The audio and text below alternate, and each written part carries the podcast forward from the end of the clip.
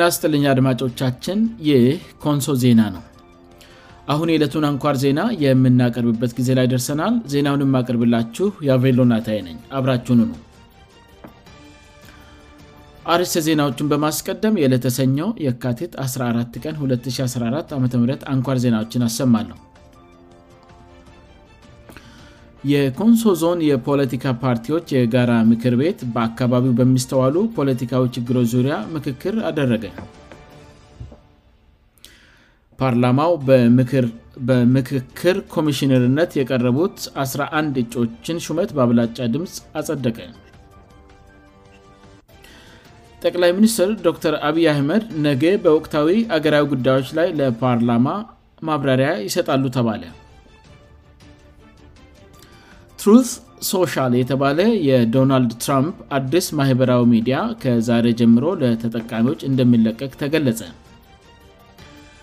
አሁን ዜናውን በዝርዝር አሰማለሁ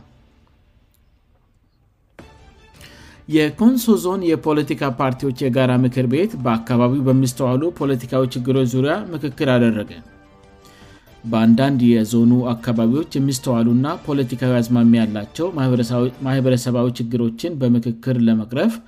የኮንሶ ዞን የፖለቲካ ፓርቲዎች የጋራ ምክር ቤት በሳምንቱ መጨረሻ ከዞን አስተዳደር ጋር በመሆን ምክክር አድርጓል ምክክሩ የተደረገው በከና ወረዳ ፋሻ ከተማ አንዳንድ መንደሮች ላይ በሁለቱ የፖለቲካ ፓርቲ ደጋፊዎች ማለትም በብልጽግና ና በኢዜማ ፓርቲ ደጋፊዎች መካከል የተከሰቱ አለመግባባቶችን ለመቅረፍ የዞን መንግስት ከሁለቱም ፓርቲዎች አባላት ያቋቋመው ኮሚቴ የሰራው የመፍትሔ ስራ ላይ ውይይት ለማድረግ መሆኑም ታውቋል በከና ወረዳ ውስጥ ፖለቲካዊ መልክ ያላቸው ጫናዎችና በመንግስት ኃላፊዎች የሚፈጸሙ በደሎችም በውይይቱ መነሳታቸው ተገልጿል በተለይ በከና ወረዳ ፋሻ ከተማ ላይ የአንድ መንደር ነዋሪዎች በፓርቲ ተከፋፍለው ከፍተኛ ያለመግባባት መፈጠሩን ና ከዚህም የተነሳ የመንግስትንም ተልኮ ያለመቀበል አዝማሚያዎች በመታየታቸው ጉዳዩን የሚያጠናእና መፍትሄ የሚያቀርብ ኮሚቴ ከአንድ ወር በፊት ተቋቁሞ ችግሩን ሲመለከት መቆየቱን ከምክር ቤቱ ያገኘነው መረጃ ያመለክታል ኮሚቴው አካባቢው ላይ ጉዳዩ የሚመለከታቸውን የህብረተሰብ ክፍሎች ካነጋገረ በኋላ የሰላም ኮሚቴ በማቋቋም በሰላም ኮሚቴው አማካይነት ችግሮቹን ለመፍታት መሞከሩን ሰሞኑን ለዞን ምክር ቤት በቀረበው ሪፖርቱ ማሳወቁ ተገልጿል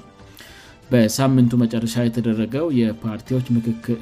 የፓርቲዎች ምክር ቤት ምክክልም ኮሚቴው በሰራው ስራና ወደፊትም ሊሰሩ በሚገባቸው ስራዎች ዙሪያ ነው ተብሏል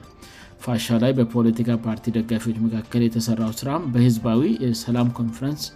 እንድቋጭ መንግስት ጊዜ ሳይሰጥ ሁኔታዎችን እንዳያመቻች የፓርቲዎቹ ምክር ቤት አቅጣጫ ማስቀመጡም ታውቋል በከና ወረዳ ትምህርት ቤቶች ጽፈት ቤትእና ሌሎች መስሪያ ቤቶች አካባቢ የሚስተዋሉ ደንብን ተከትሎ የለመስራት ሁኔታዎችን በምክ በምክክል መድረጉ መነሳቱ ታውቋል የመምህራን ዝውውር በደንቡ አግባብ ብቻ ልሰራ እንደሚገባእና እንዳስፈላጊነቱ ዝውውር ግዴታ ሆነው ሲገኝ መምህራንን በማስገደድ ሳይሆን ከመምህራኖቹ ጋር ተገቢ ውይይት በማድረግና በማሳመን ሊሆን እንደሚገባ በምክር ቤቱ ተጠቁሟል ከመምህራን ዝውውር ጋር በተያዘ የከና ትምህርት ቤት ጽፈት ቤት አንዳንድ መምህራንን አልታዘዛሉን በል ከስራ ማባረሩንና በዚህም ሳቢያ መምህራኑ ጽፈት ቤቱን በክልል አስተዳድራዊ ፍርድ ቤት መቅሰሳቸውን ከዚህ በፊት መዘገባችን አይዘነጋም የጋራ ምክር ቤቱ የአሁኑ ምክክር ተስፋ ሰጭና ውጠታማ መሆኑ በምክር ቤቱ አባላት የተገለጸ ሲሆን በሌሎች የዞኑ አካባቢዎችም የሚስተዋሉ ፖለቲካዊ ችግሮችን በተመሳሳይ መንገድ ለመቅረፍ በዞን መንግስት የተቋቋመው ኮሚቴ በምክር ቤቱ ድጋፍ እየተደረገለት ስራውን እንዲቀጥል መወሰኑም ተገልጿል የጋራ ምክር ቤቱም በየወሩ ምክክሮችን እያደረገ የምስተዋሉ ችግሮችን በጊዜ ለመቅረፍ ይሞክራል ተብሏል ይህ ኮንሶ ዜና ነው ፓርላማው ለምክክር ኮሚሽነርነት የቀረቡትን 11 እጩዎች ሹመት በአብላጫ ድምፅ አጸደቀ የህዝብ ተወካዮች ምክር ቤት ለሀገራዊ ምክክር ኮሚሽን ኮሚሽነርነት የቀረቡትን 11 እጩዎችን ሹመት በአምስት ድምፅ ታቅበ እና በአምላጫ ድምፅ አጽድቋል የሀገራዊ ምክክል ኮሚሽን እጩ ኮሚሽነሮችን ጥቆማ አቀባበል አማካሪ ቡድን አቋቁሞ የህዝብ ተወካዮች ምክር ቤት ስራውን አጠናቋል የምክር ቤቱ የእጩ አቀባበል አማካሪ ቡድን አባላቱ የፈርዴሬሽን ምክር ቤት አፈ ጉባኤ የፈደራል ጠቅላይ ፍርድ ቤት ፕሬዚደንት የሃይማኖት ተቋማት ጉባኤ ተወካይ ና የሲቪል ማኅበራት ጥምረት ተወካይ ናቸው ከቀረቡት በርካታ እጩች ላይ የህዝብ አስተያየት ተሰጥቶ መስፈርቱን ማሟላታቸው ተረጋግጦና ፈቃደኝነታቸው ተጠይቆ የ11 እጮች ሹመት እንዲጸድቅ ዛሬ የካት 14 ቀን2014 ዓም ጠዋት ላይ ለምክር ቤቱ ቀርቦ አስተያየትና ውይይት ከተሰጠበት በኋላ አንኛ ፕሮፌሰር መስፍን አርያ ወልደ ተንሣይ ሁለተኛ ወይዘሮ ህሩት ገብረስላሴ ኦዳ 3ተኛ ዶተር ተገኘ ወርቅ ጌቱ አተኛ ዶተር አይዶሪት መሐመድ ያሲን sostaya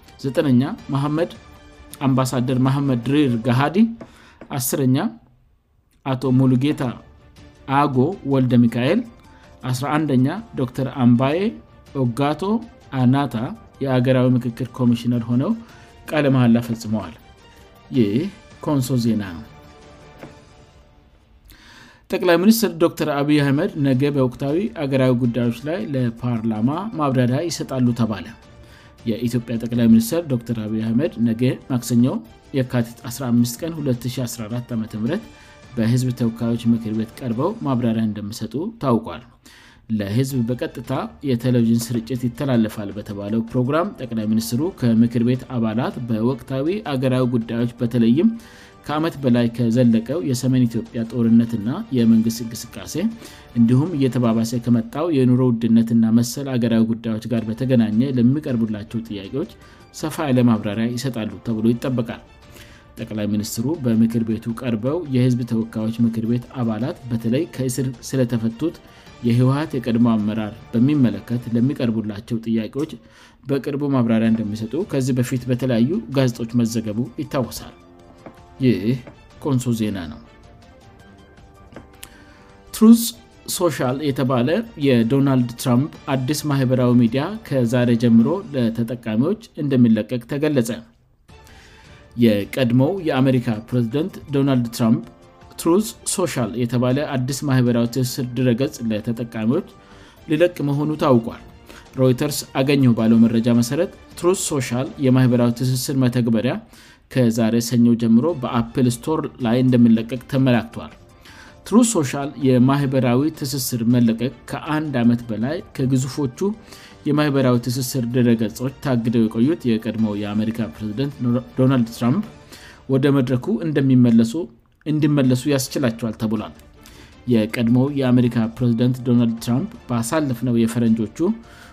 20021 ጥር ወር ከዋሽንግተን ዲሲው የካፕቶል ሂል ጥቃት ጋር በተያያዘ